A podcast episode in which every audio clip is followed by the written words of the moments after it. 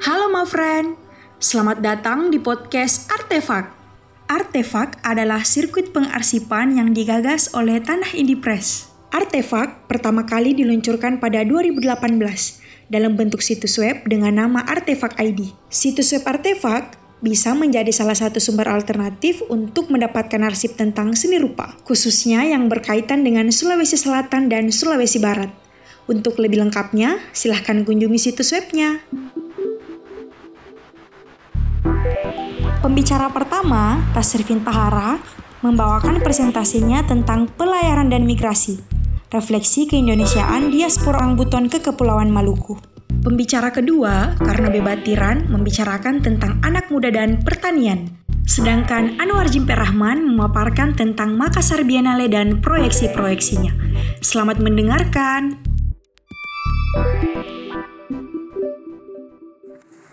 siang. Saya juga sebenarnya diundang sama Jimpe ini karena KKN sebenarnya satu angkatan di Sospol. Jadi begitu ditawari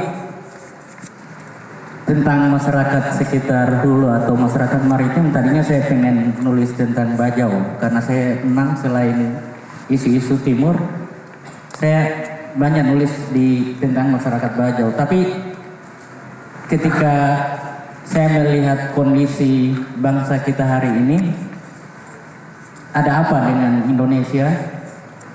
Saya mencoba membuka file-file riset saya empat tahun lalu tentang bagaimana pelayaran dan migrasi itu.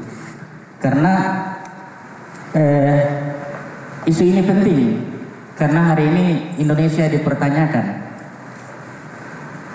Bangsa Indonesia itu ke arah mana? Dengan banyaknya kelompok-kelompok migran kelompok-kelompok pelayaran yang memang sudah lama meninggalkan daerahnya terus tinggal di situ. Sebenarnya dia orang apa? Nah saya mulai mengapa saya pertanyakan dengan refleksi keindonesiaan karena Buton itu saya mengambil case-nya Buton, tapi sebenarnya ini persoalan bangsa kita. Cuman karena Buton itu adalah salah satu suku bangsa maritim selain Bajau, Bugis, Buton, eh Bugis, Makassar, Mandar dan Madura. Nah, mengapa ini penting? Buton itu sebenarnya eh, saya sendiri orang Buton, peneliti Buton. Kita itu hidup di Pulau Tandus, tidak ada pilihan. Mau bertahan bertani seperti yang dikatakan tadi tidak mungkin. Di sana lebih banyak batu daripada tanah. Tengok di depan pasti laut. Makanya kami memahami laut itu bukan penghalang. Laut itu menjadi media kami untuk melakukan mobilitas dan kami menganggap Indonesia ini sama. Bahkan bukan cuma Indonesia, orang Buton itu menyeberang sampai ke Singapura, ke Malaysia bahkan beberapa kali ditangkap di Australia itulah kerjaan orang Buton nah eh, orang Buton sejak dulu sebenarnya pola migrasi itu jauh sebelum program pemerintah yang kita kenal dengan transmigrasi.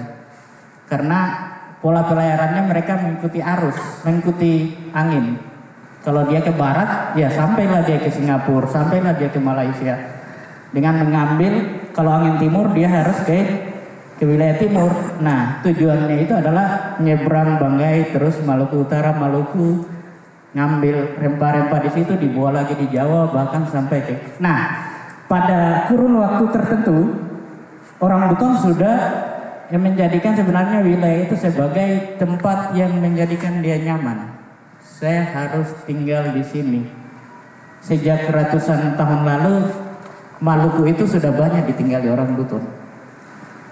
Kalau Anda ke Seram bagian barat, nah migrasi itu sebenarnya sejak abad ke-17 Masehi. Bahkan banyak narasi-narasi tentang perlawanan misalnya Patimura tapi itu benar atau tidak ya. Parang-parang itu berasal dari Pulau Binongko di Wakatobi. Pulau Binongko itu kalau Anda pernah ke Wakatobi, pulau paling terluas. Kalau ke sana itu kalau kita meninggal subuh belum tentu bisa dikubur malam susah digali kuburan Anda karena terlalu banyak batu. Dan kita melayat orang mati itu yang kita bawa apa pasir untuk menimbun ini tanah. Karena susah sekali. Itu pulau terluar sekali. Saya sendiri juga pertama injak pulau itu saya berpikir kenapa ada orang tinggal di pulau ini. Tandus, tapi terluar, tapi semua produk-produk luar negeri ada di pulau itu. Barang-barang dari Singapura, Malaysia ada. Nah, eh, periode mengapa pesatnya pada abad ke-17 itu karena perdagangan maritim rempah-rempah itu begitu tinggi di Nusantara dan orang Buton menjadi penyedia. Orang Buton punya perahu. Kalau kita itu mengenal lambo. Lambo kalau orang Buton menyebut boti itu sebagai yang mengangkat penyedia jasa untuk eh, rempah-rempah yang dibawa ke Jawa dan Selat Malaka. Nah ini jalur pelayaran ke Pulau Maluku antara Banda, Ambon, Taliabu. Ini yang terpenting adalah Seram bagian barat. Makanya populasi orang Buton terbesar itu di SBB. Seram bagian barat itu yang paling paling paling banyak sekali. Nah jaringan pelayaran ini dibentuk karena tidak lebih dari sebenarnya hampir sama-sama mirip VOC juga. Komoditas. Cuma orang Buton bukan ekspansi. Dia hanya menyediakan perahu yang dibawa komoditas-komoditas yang dibawa ke Jawa dan Selat Malaka. Nah, di sinilah biasanya mereka membarter. Makanya kalau orang Makassar, saya kuliah tahun 94 itu lihat orang Makassar pamer-pamer cakar dan sebagainya. Saya dari kecil sudah dengar itu. Sudah banyak istilah rombengan di kampung saya. Bahkan barang-barang dari luar negeri itu saya bukan lagi bukan hal yang baru kalau merek-merek baju luar negeri itu sudah tidak asing bagi saya. Karena banyak di pasar loakan dari tahun 70-an 80-an saya sudah lihat. Itu sebenarnya daripada kosong perahu-perahu yang dari Selat Malaka Singapura Malaysia itu lebih dimuatkan itu. Meskipun juga katanya katanya sih selain itu ada juga hal-hal yang sebenarnya eh, bahan peledak untuk pembuatan bom untuk menangkap ikan itu. Nah nah bagaimana? Lanjut. Nah sebenarnya hari ini dipertanyakan posisi itu. Bahkan ketika saya ke Seram bagian barat, ke Maluku Tenggara itu sampai hari ini orang Buton itu belum dianggap sebagai orang Maluku. Padahal mereka sejak abad 17 ada orang yang belum pernah injak Buton lahir dan besar, dia ditolak sebagai orang Maluku, masih dianggap sebagai orang Buton. Maka bertanya gimana kita sebenarnya? Bahkan ketika eksodus eh, eh, konflik Maluku pecah tahun 2000 itu banyak mereka kembali ke Buton tapi ditolak. Beda dengan eksodus Bugis Makassar, mereka diterima oleh keluarganya. Kalau di Buton kami tidak, karena sejak dulu tidak punya hubungan lagi. Memori yang menghubungkan kamu dan kami itu beda. Makanya tumbuh sejak sejak tahun 2000 itu di bau-bau di Buton itu sudah, sudah kita mengenal itu yang namanya eh, tiba-tiba ada kekacauan, ada bom besar-besaran di pasar itu karena ulah ulah para ekstedor yang tidak mendapat ruang-ruang. Ketika mereka kembali tidak diterima mau kembali ke Maluku ditolak juga di Buton juga dia ditolak. Akhirnya ya bahkan mereka menjadi preman-preman yang liar kebanyakan yang membuat rusuh di tempat asal nenek moyangnya berasal. Nah, eh, salah satu yang ketika kita menemukan orang Buton itu ini juga menurut saya kenapa kamu ditolak? Akhirnya mereka membentuk marga karena orang Maluku itu salah satu ciri khas ada manu putih ada bla bla. Orang Buton juga membuat marga. Anehnya inilah yang menjadikan mereka sebenarnya mereka tetap dikategorikan sebagai orang Buton. Meskipun kadang dia punya marga itu menyimpan nama kampung nama kampung di mana dia berasal. Kalau kita orang Buton laki-laki di depan namanya La, Wa, adalah Ode, kemudian selalu di belakangnya itu ditulis nama Buton sehingga identitasnya itu jelas.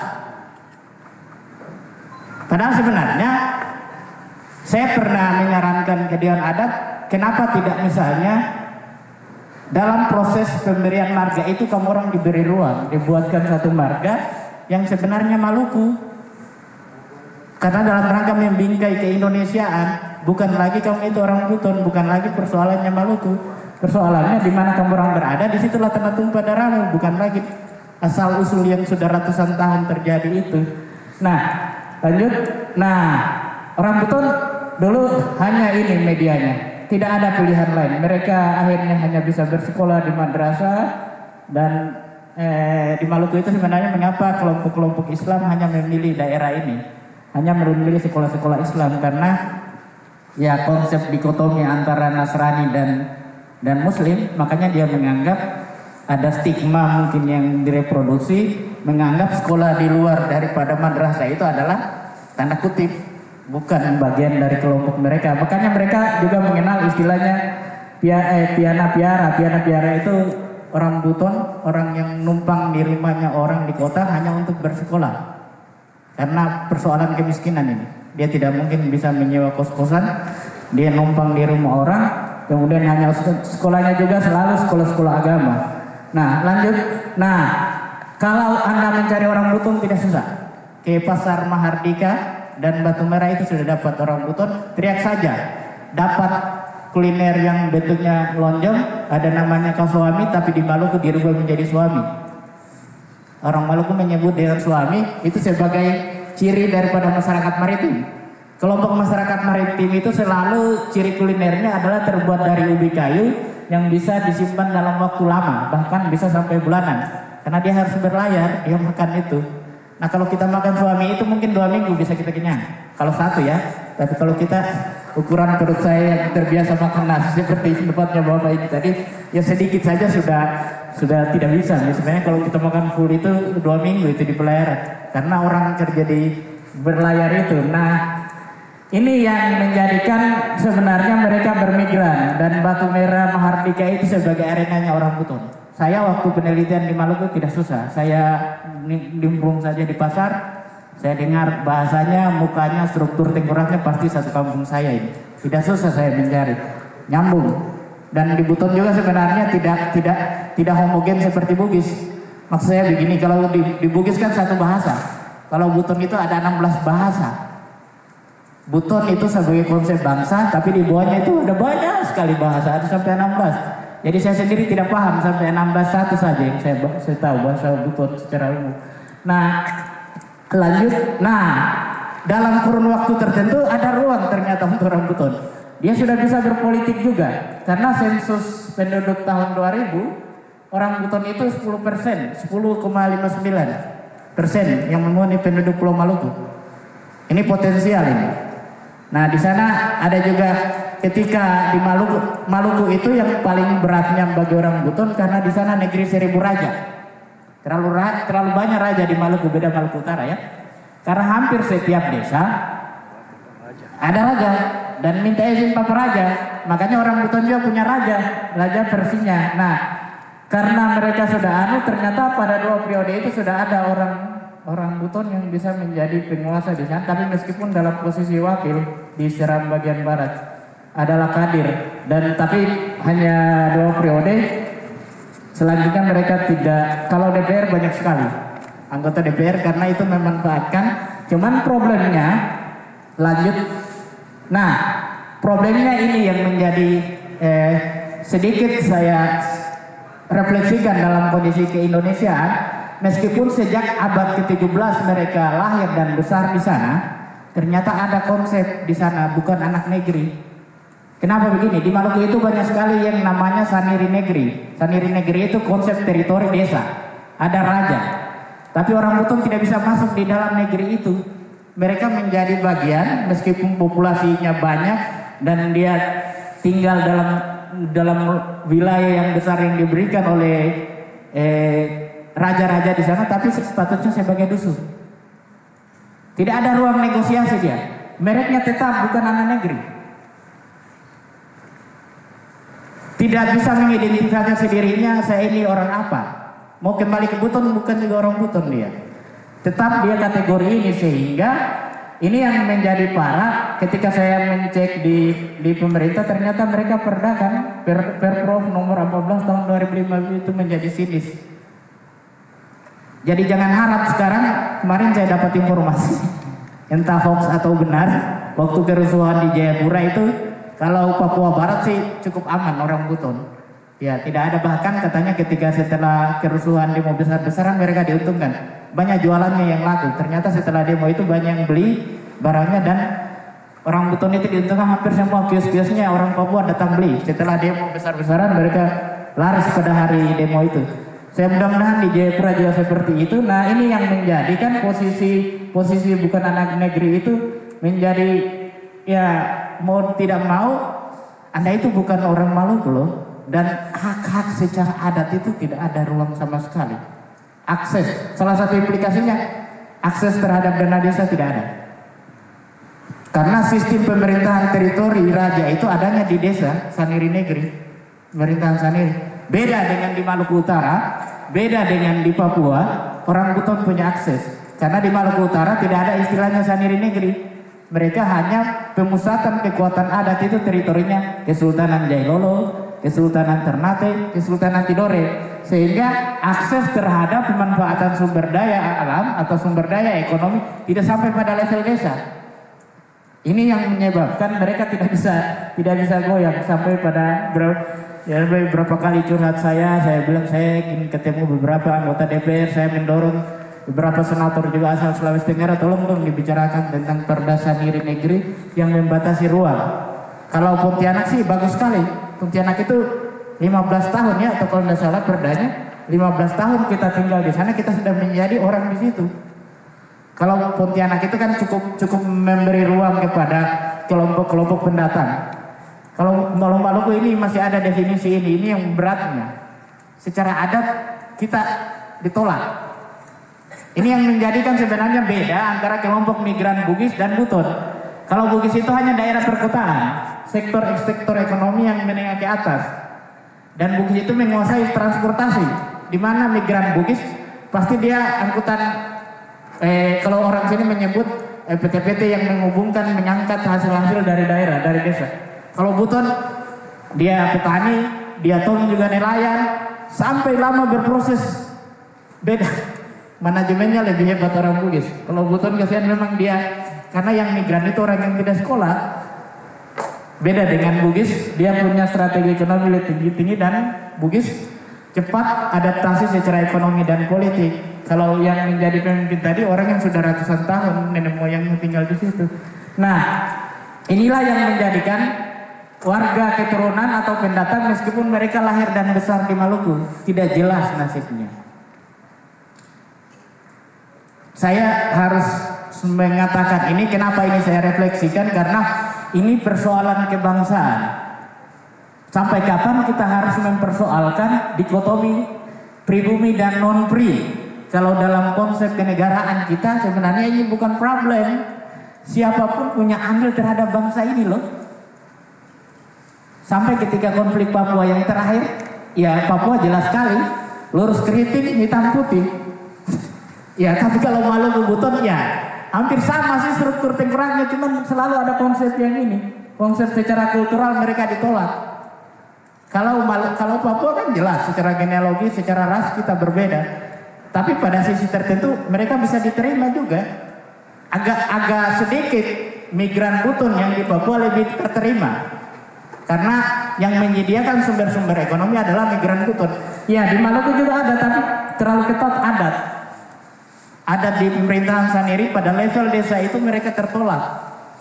Tidak merdeka secara terlalu kuat hambatan-hambatan budaya, hambatan adat yang mereka harus lalui dan saya bilang ya kenapa tidak bahkan saya beberapa kali riset mendorong teman-teman di Unpati teman-teman teman-teman dari gereja teman-teman dari muslim saya bilang kita buat dong satu model misalnya kalau ini hambatannya ada marga ada satu marga misalnya kalau saya orang betul pendatang saya numpang di marga orang supaya dalam waktu tertentu hilang itu karena suka atau tidak suka, ke depan mereka tetap tinggal di Maluku. Sampai kapan mereka tetap dicap sebagai pendatang? Inilah problem kita yang namanya suku-suku bangsa maritim. Suku bangsa maritim itu dia tidak akan tinggal diam di wilayahnya. Dia itu tidak menjadikan laut itu sebagai penghalang, tapi laut itu sebagai penghubung dan memang yang namanya suku bangsa maritim itu pikirannya bukan di wilayahnya, Pikirannya dia harus ekspansi dan keluar meninggalkan kampungnya. Tidak ada suku bangsa maritim yang tetap tinggal di wilayahnya. Akhirnya terakhir mungkin ya itu saja yang menjadi renungan saya ketika kita berbicara tentang suku bangsa maritim. Ya problem hari ini belum tuntas di bangsa kita bagaimana dikotomi pendatang dan masyarakat asli versi versi adat yang ada di negara kita beberapa wilayah dalam kerangka kebangsaan di Indonesia. Sekian dan terima kasih.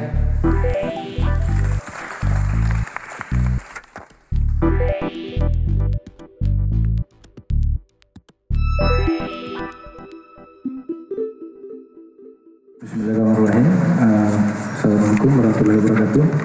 Selamat siang uh, teman-teman. Uh, soal anak muda petani dan pertanian di Sulawesi Selatan di Makassar Biennale nanti Bapak Direktur Biennale yang jelaskan ya. Saya tidak bisa memikirkan hubungannya saya sendiri. Jadi nanti dijelaskan. Saya cuma disuruh soalnya. Tapi tidak apa-apa. Ini mungkin menarik dan akan ada hubungannya nanti ya. Ya. Ya, eh, saya Karno Batiran temannya Jimpe sebenarnya. Eh, kami Jimpe dan saya di komunitas Ninawa. Ini salah satu organisasi di bawah komunitas Ninawa yang Jimpe ada juga di sana. Eh, kami organisasi yang uh, sejak tahun 2007 uh, bolak-balik ke desa mengorganisir bergaul dengan petani di desa, warga desa dan anak muda tentu saja di Sulawesi Selatan dan Sulawesi Barat. Nah soal anak muda dan pertanian dan petani di ya di Indonesia dan Sulawesi Selatan ada beberapa fakta yang uh, perlu saya tunjukkan. Nah, ini dia. Kalau anak-anak ditanya sekarang, cita-citanya mau jadi apa? Nomor satu itu ternyata dokter. Nomor 25 petani. Maaf teman-teman seniman dan budayawan tidak masuk 10 besar. mungkin 24 atau mungkin 26. Tapi ya inilah eh, petani itu nomor 25. Jadi ya wajar kalau misalnya saat ini Uh, menurut sensus pertanian tahun 2013, sensus pertanian itu 10 tahun sekali, yang paling terakhir 2013, sisa petani di Indonesia tersisa 26 juta. Sekitar 26 juta orang uh, rumah tangga sekarang. Dari 31 juta rumah tangga 10 tahun sebelumnya, jadi berkurang sekitar 5 juta ya. Sekitar 15% rumah tangga petani di Indonesia berkurang. Nah, yang tersisa 26 juta ini untuk di antaranya 17 juta di antaranya itu petani padi yang untuk mem, yang untuk memproduksi beras 72 juta, 72 juta ton per tahun. Untuk memberi makan 230 juta perut orang Indonesia yang 90, 98 persen di antaranya pemakan nasi. Jadi tidak makan kalau belum makan nasi. Makan Indomie campur nasi Nah kalau di Sulawesi Selatan tersisa 900 ribu rumah tangga saja sekarang di Sulawesi Selatan yang jadi petani. Yang sebelumnya ya masih sekitar sejuta lebih sebelumnya, 10 tahun sebelumnya. Yaitu untuk memberi makan sekitar 8 juta perut uh, warga Sulawesi Selatan. Nah ini fakta-fakta lain. Jadi dari yang sebelumnya 31 juta menjadi 26 juta itu berarti setiap 10 tahun berkurang sekitar 15% jumlah petani di Indonesia. Sementara penduduk Indonesia atau kita ini semakin bukannya malah berkurang malah semakin bertambah. Pertumbuhan penduduk Indonesia itu sekitar 1,7 persen.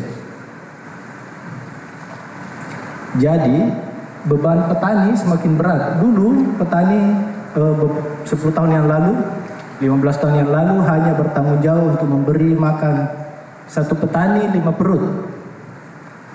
Jadi petani-petani di Indonesia bertanggung jawab memberi makan kita-kita ini satu petani bertanggung jawab memberi makan lima perut. Sekarang bebannya makin berat, satu petani jadi tujuh perut. Jadi semakin susah petani kasihan. Nah, fakta lain di ya ini proyeksi orang ya ilmuwan di tahun 2050 populasi meningkat sampai 35% dari sekarang. Akan lebih beberapa miliar penduduk dunia dibanding sekarang. Dan membutuhkan 100 miliar ton bahan pangan yang tentu saja diproduksi oleh petani ya. Kita teman-teman seniman tidak memproduksi makanan ya. Nah, kalau di Indonesia akan ada 250 juta jiwa atau mungkin sudah lebih sekarang. Nah, 125 250 juta itu kalau makan nasi 125 kilogram per tahun. Orang Indonesia. Jadi butuh beras 125 kilogram per tahun satu orang. Berarti butuh 32 miliar ton beras nanti setiap tahun. Nah, fakta lain sektor pertanian ya sektor yang semakin menua. Jadi dia aging sektor. Tidak semakin muda orang yang terlibat di pertanian malah semakin tua. 30 tahun terakhir kelompok usia petani di bawah 35 tahun turun dari 25 persen menjadi hanya 13 persen sekarang. Jadi petani muda hanya 13 persen sekarang di Indonesia. Yang 55 tahun malah semakin tinggi porsinya. 33 persen dari petani sekarang di Indonesia itu umur 45 tahun, 55 tahun ke atas. Kalau di Sulawesi Selatan lagi malah yang hanya 20 yang umurnya sebelum 25 tahun yang muda hanya satu persen. Ini kayaknya karena terlanjur menikah dan tidak ada pilihan ya terpaksa jadi petani saja di kampung. Yang ya Ya, karena anak muda tidak mau lagi jadi petani. Semakin jauh dari desa. Tantangan-tantangannya kenapa anak muda semakin tidak mau jadi petani dan jauh dari desa karena ya ini salah satu yang paling uh, selain karena tidak tertarik, memang lahan pertanian itu semakin berkurang di kalau misalnya di Sulawesi Selatan itu praktik umum lahan itu digilir satu keluarga satu keluarga. Jadi kalau misalnya anaknya sudah menikah, digilir lagi, dibagi lagi, semakin dibagi, semakin dibagi, lahan semakin berkurang. Akhirnya orang juga semakin tidak tertarik dengan bertani. Karena lahan semakin berkurang. Nah ini juga sudah tidak menguasai ilmu bertani.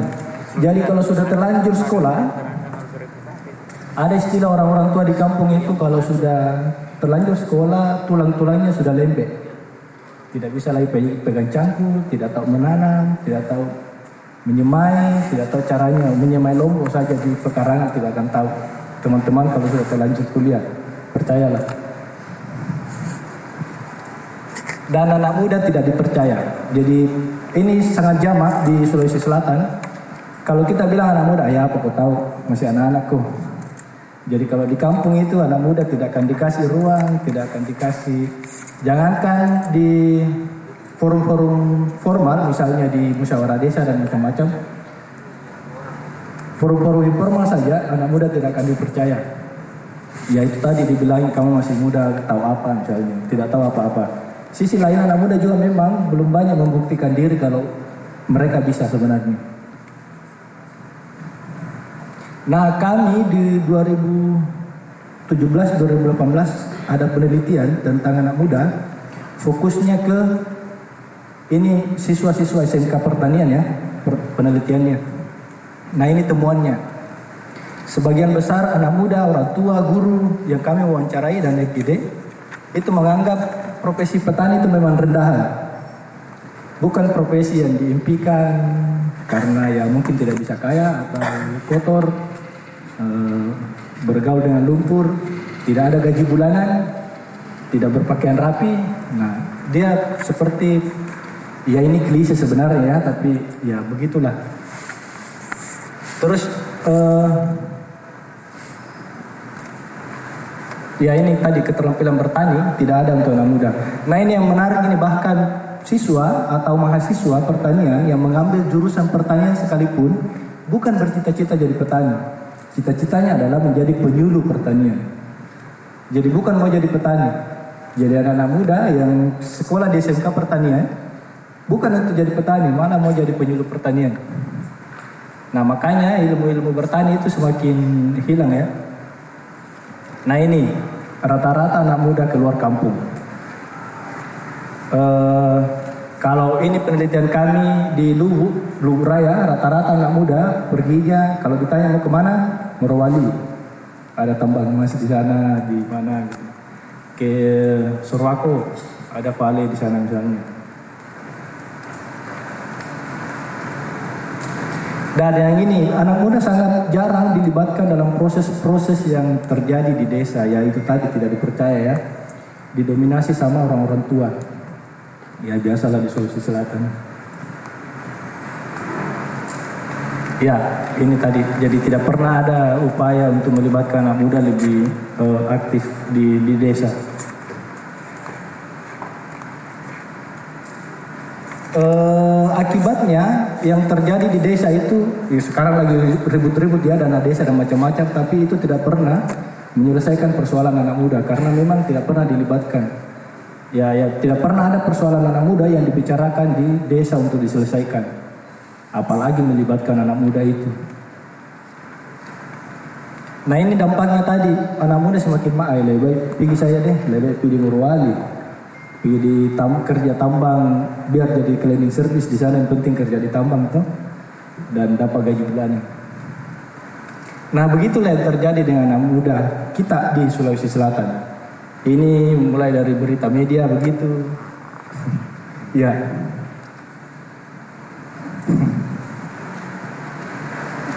Begitulah menyedihkan ya. Tapi tunggu dulu. Siapa tahu masih ada harapan ya. Ya, karena dari temuan penelitian, meskipun sedikit porsinya, lebih sedikit daripada yang apa, yang menjawab ya misalnya, apakah siswa SMA tertarik menjadi seorang petani? Meskipun hanya 30 persen, 37 persen, tapi ya paling tidak ada harapan lah sedikit. Siapa tahu ini memang benar-benar mau jadi petani. Saya pikir itu. Mari sama-sama berharap. Oke, itu saja. Terima kasih.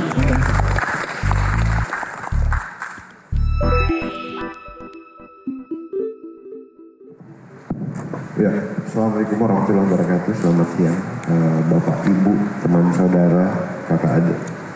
Eh, tadi teman-teman saya di samping, di samping kanan saya sebenarnya eh, dia bilang KKN.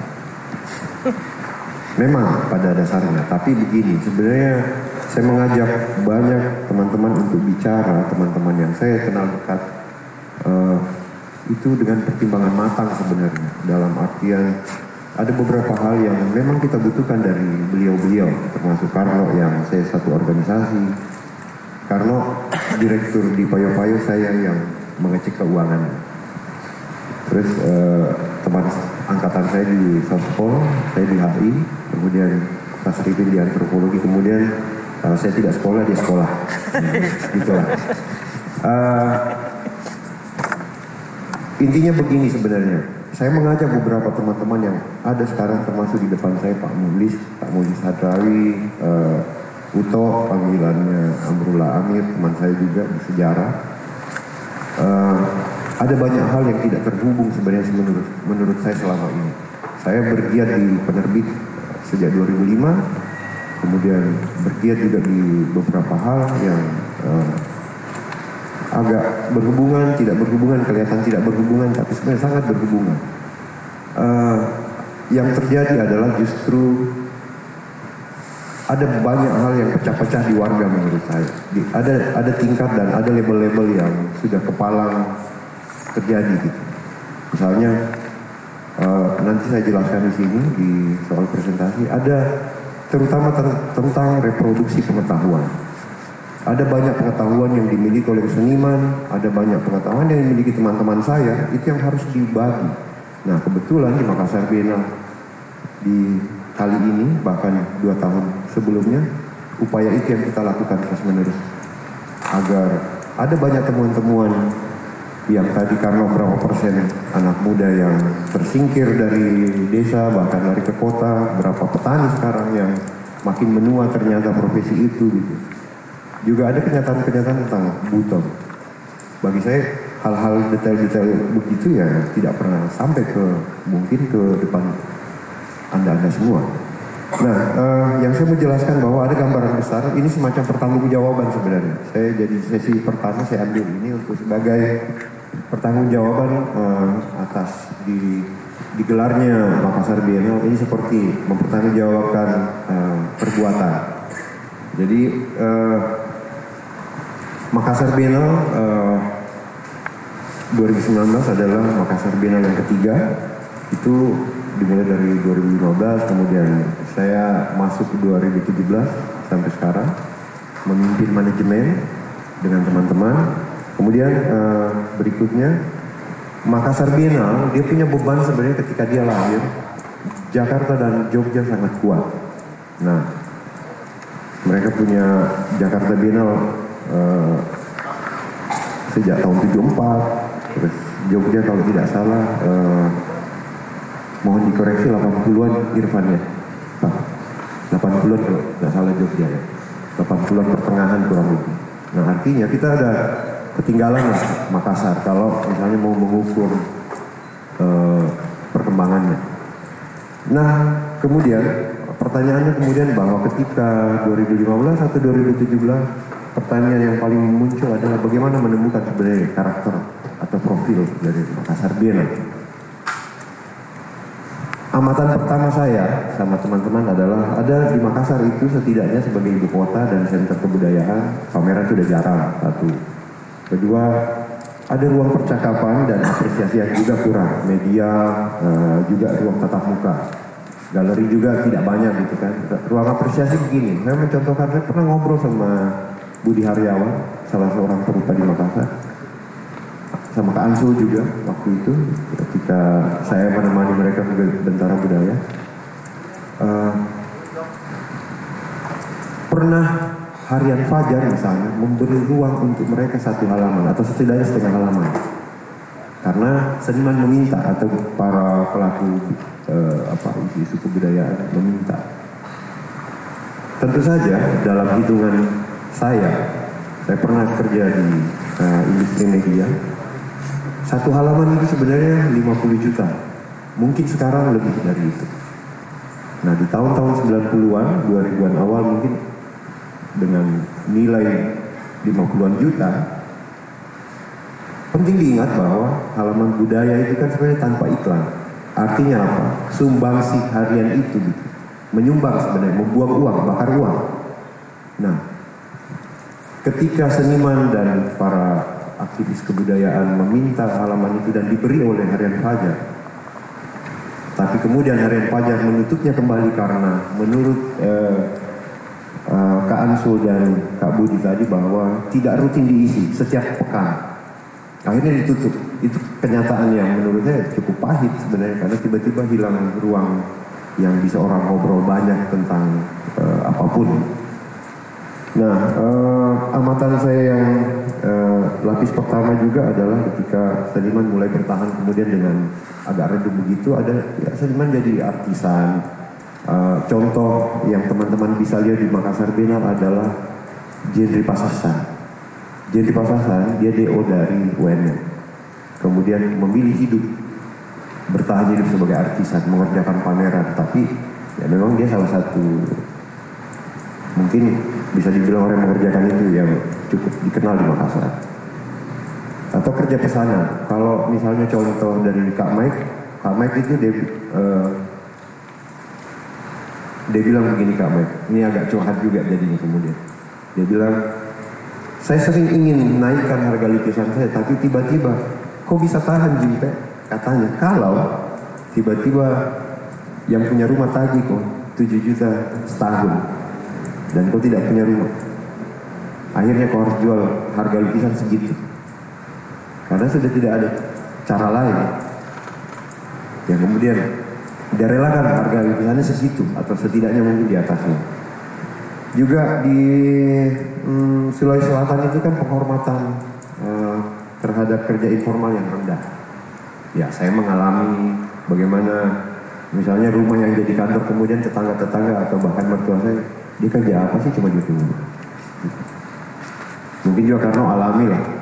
Kalau Kak Ivin kan ya dia keluar tiap pagi pulang sore ya kantor aman Terus eh, pendidikan formal seni yang ada di Makassar juga akhirnya eh, lebih banyak juga eh, berorientasi pada profesi tenaga pendidik. Jadi ada beberapa juga hal yang lain yang akan kita bisa sebut dalam dialog nanti. Amatan kedua adalah eh, yang tadi saya bilang bahwa ada hal yang mandek ketika saya bergiat di dunia penerbitan, kemudian reproduksi pengetahuan, kemudian ada jarak yang membentang lebar sebenarnya antara warga sebagai orang yang uh, sumber ilmu sebenarnya sumber pengetahuan seniman dan cendikia seperti Taslim Tahara.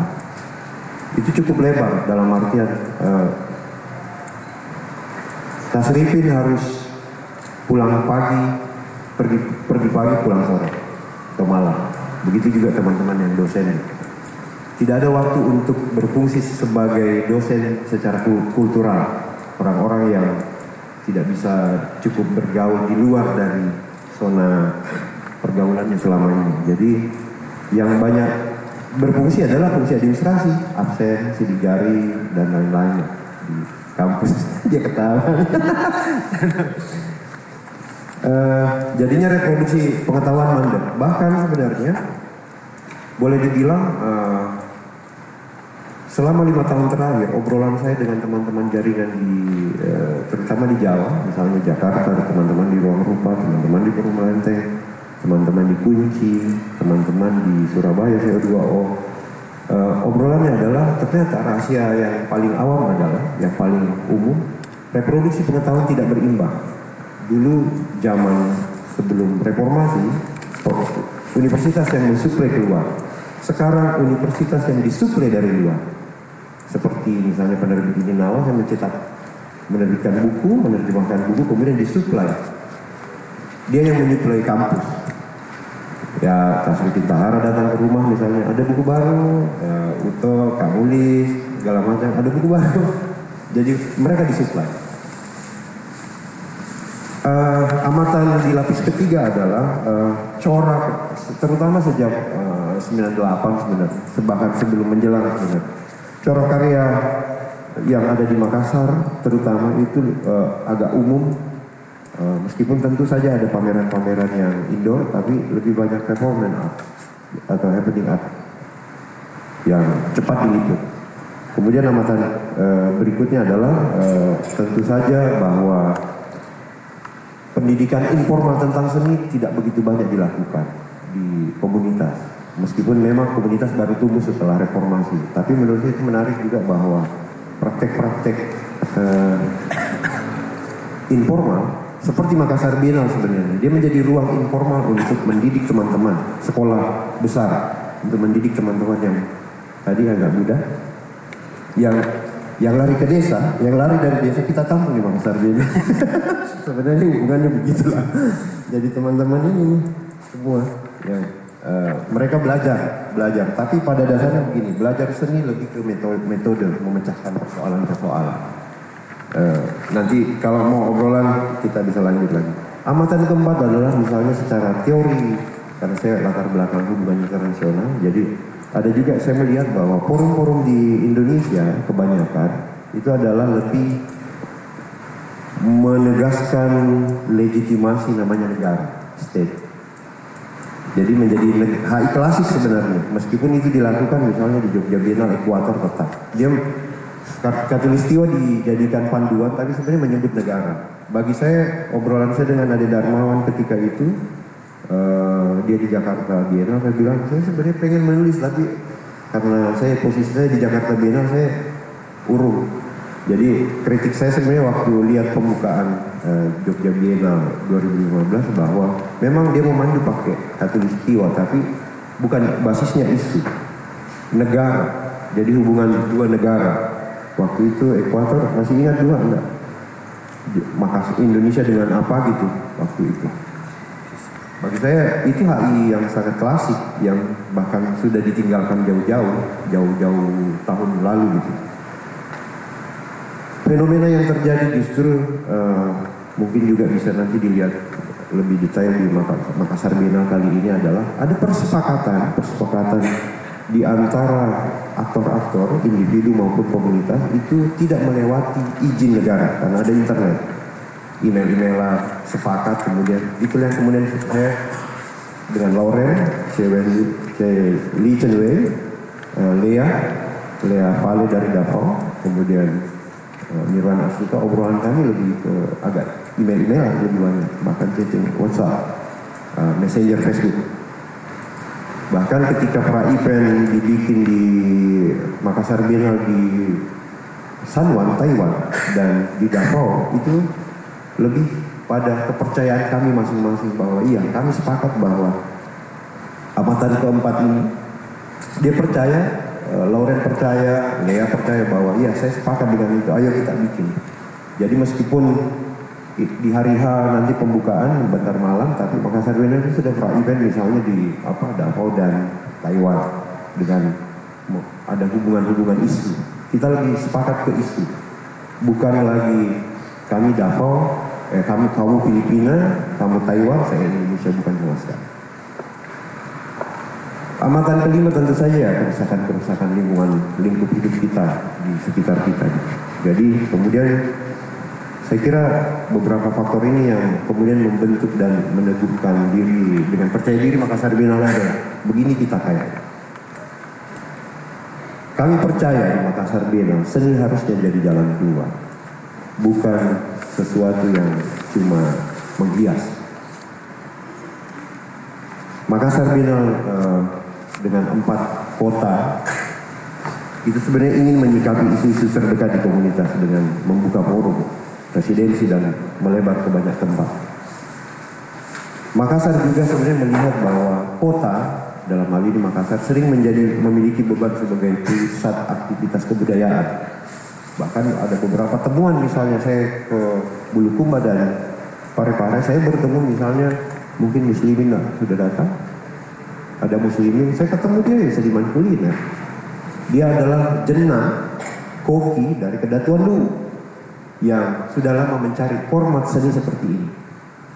Itu memungkinkan karena saya harus jalan ke Parepare, ketemu dengan teman-teman dan merancang kerja-kerja kami. Ada juga kami ketemu dengan uh, Kak Caca, Andi Darsyad, Darsyad Pabunting, dia orang Bulukumba, dia aktivis teater sejak mendirikan teater kampung dari tahun 79 dan naskahnya hanya ditulis dalam tulisan tangan. Bagi saya itu benar. Kita kalau hanya di Makassar belum tentu ketemu itu. Ketemu ketemu mereka belum tentu. Nah itulah yang menurut saya beban kota yang besar. Ya sebagai binal baru silakan menikmati dan merayakannya. Semoga berkenan dan berbahagia selalu bersama Makassar Biennale. Sekian. Assalamualaikum warahmatullahi wabarakatuh.